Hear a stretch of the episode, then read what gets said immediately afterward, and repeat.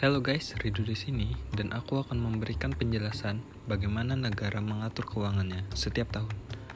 Pada podcast kali ini, aku akan membahas tentang APBN, APBD, PAD, dan WTP. Baiklah, tanpa basa-basi, mari kita mulai. Pertama yang akan kita bahas yaitu APBN. Apa sih APBN itu?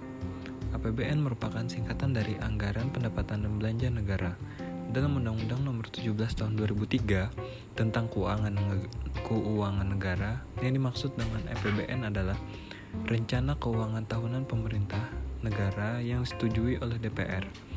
Pasal 1 ayat 7.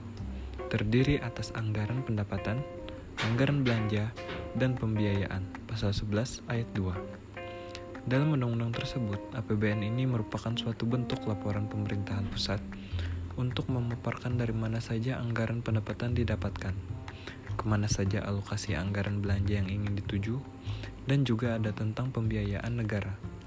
Semua laporan tersebut diserahkan kepada Dewan Perwakilan Rakyat yang menyetujui atau tidaknya laporan APBN itu sendiri untuk direalisasikan pada tahun selanjutnya. Dan juga APBN ini sifatnya skala nasional guys, seluruh Indonesia terkena dampaknya dari APBN ini. Sebagai contoh kita ambil APBN pada tahun 2020. Bisa dicari tuh di Google ketik aja APBN 2020, pasti ketemu. Linknya dari Kementerian Kementerian Keuangan ya guys. Nah, di situ dapat kita lihat bahwa anggaran belanja negara ini pada tahun 2020 sebesar 2.540 triliun sedangkan anggaran pendapatan negara sebesar 223 triliun rupiah. Wah, ini nih ada inflasi nih antara anggaran belanja dan pendapatan pendapatan negara. Dari pendapatan negara paling banyak menyumbang pada sektor pajak sebesar 1865 triliun. Lalu ada pendapatan yang bukan pajak sebesar 360 triliun. Dan terakhir, pemasukan pendapatan negara ada pada sektor penerimaan hibah sebesar 0,5 triliun.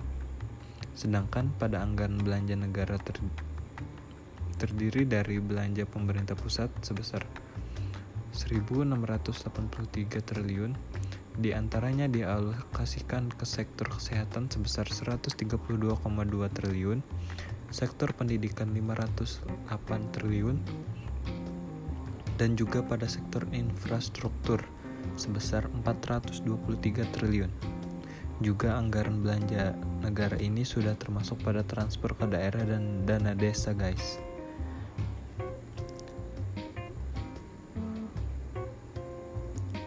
Nah, kenapa daerah dan dana desa juga termasuk?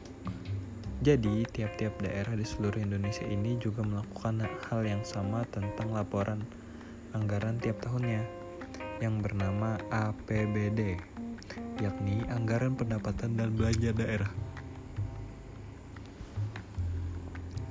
APBD ini merupakan rencana keuangan tahunan oleh pemerintah daerah di Indonesia. Jika APBN sebagai rencana keuangan tahun pemerintah pusat, disetujui oleh Dewan Perwakilan Rakyat atau DPR, penyusunan APBD ini disetujui oleh Dewan Perwakilan Rakyat Daerah atau DPRD. Penyusunan APBD dilakukan oleh otoritas daerah sesuai dengan peraturan daerah atau perda masing-masing wilayah. Tujuan utama dari APBD ini adalah sebagai pedoman pemerintah daerah dalam mengatur pendapatan daerah serta pengeluaran daerah demi kesejahteraannya da daerah tersebut. APBD juga bertujuan sebagai koordinator pembiayaan dalam pemerintahan daerah dan menciptakan transparansi dalam anggaran pemerintah daerah.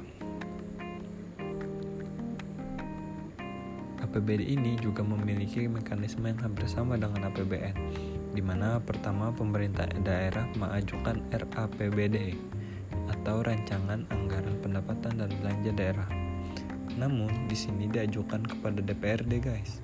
Apakah nanti disetujui atau tidaknya sebagai APBD yang baru pada tahun selanjutnya. Dasar hukumnya juga tertuang dalam Undang-Undang Nomor 17 Tahun 2003. Nah, pada pembahasan APBD ini kita ambil contoh pada APBD Kota Banjarmasin.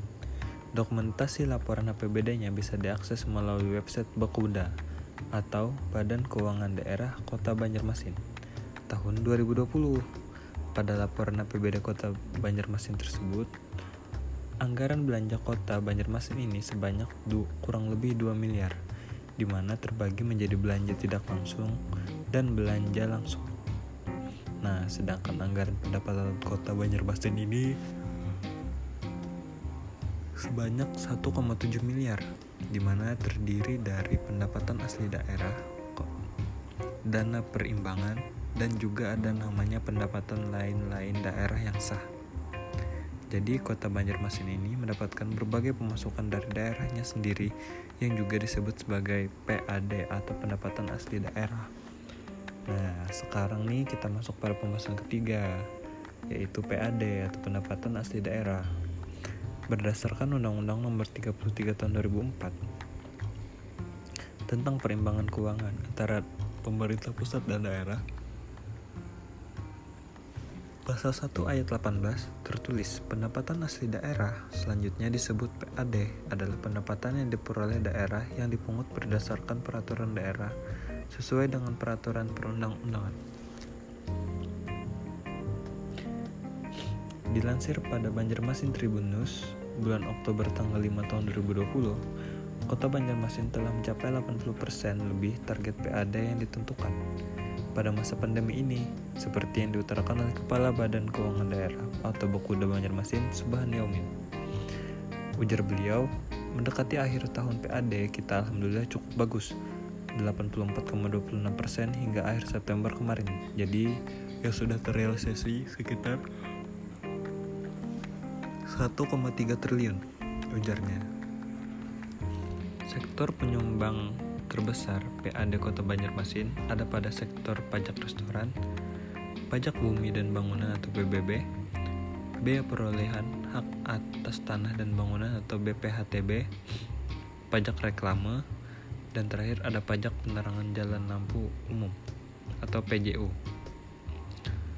Pada masa pandemi sekarang ini, Kota Banjarmasin menjadi daerah yang PAD-nya paling tinggi se-Indonesia, guys. Waduh, bangga nggak tuh orang Banjar? Namun pencapaian Kota Banjarmasin ini bukan hanya sebagai sampai di sini saja. Meskipun tadi APBD mengalami inflasi anggaran belanjanya sekitar 2 miliar dan pendapatannya hanya sekitar 1,7 miliar, namun hal itu tidak berpengaruh guys, karena pada laporan APBD Kota Banjarmasin ini terdapat laporan yang namanya pembiayaan daerah, di mana anggaran pembiayaan daerah tersebut yang menutupi inflasi yang terjadi pada APBD Kota Banjarmasin. Hal inilah yang membuat Kota Banjarmasin mendapat WTP. Waduh, dok, apalagi itu WTP? Nah, ini pembahasan kita yang terakhir guys. WTP itu adalah wajar tanpa pengecualian di mana merupakan pernyataan atau opini yang dikeluarkan auditor terhadap laporan keuangan mengenai kewajaran informasi keuangan pada dalam laporan keuangan disajikan secara wajar. Opini WTP ini disematkan oleh BPK Badan Pengawas Keuangan kepada suatu lembaga pemerintahan, baik lembaga di tingkat pusat maupun lembaga di tingkat daerah.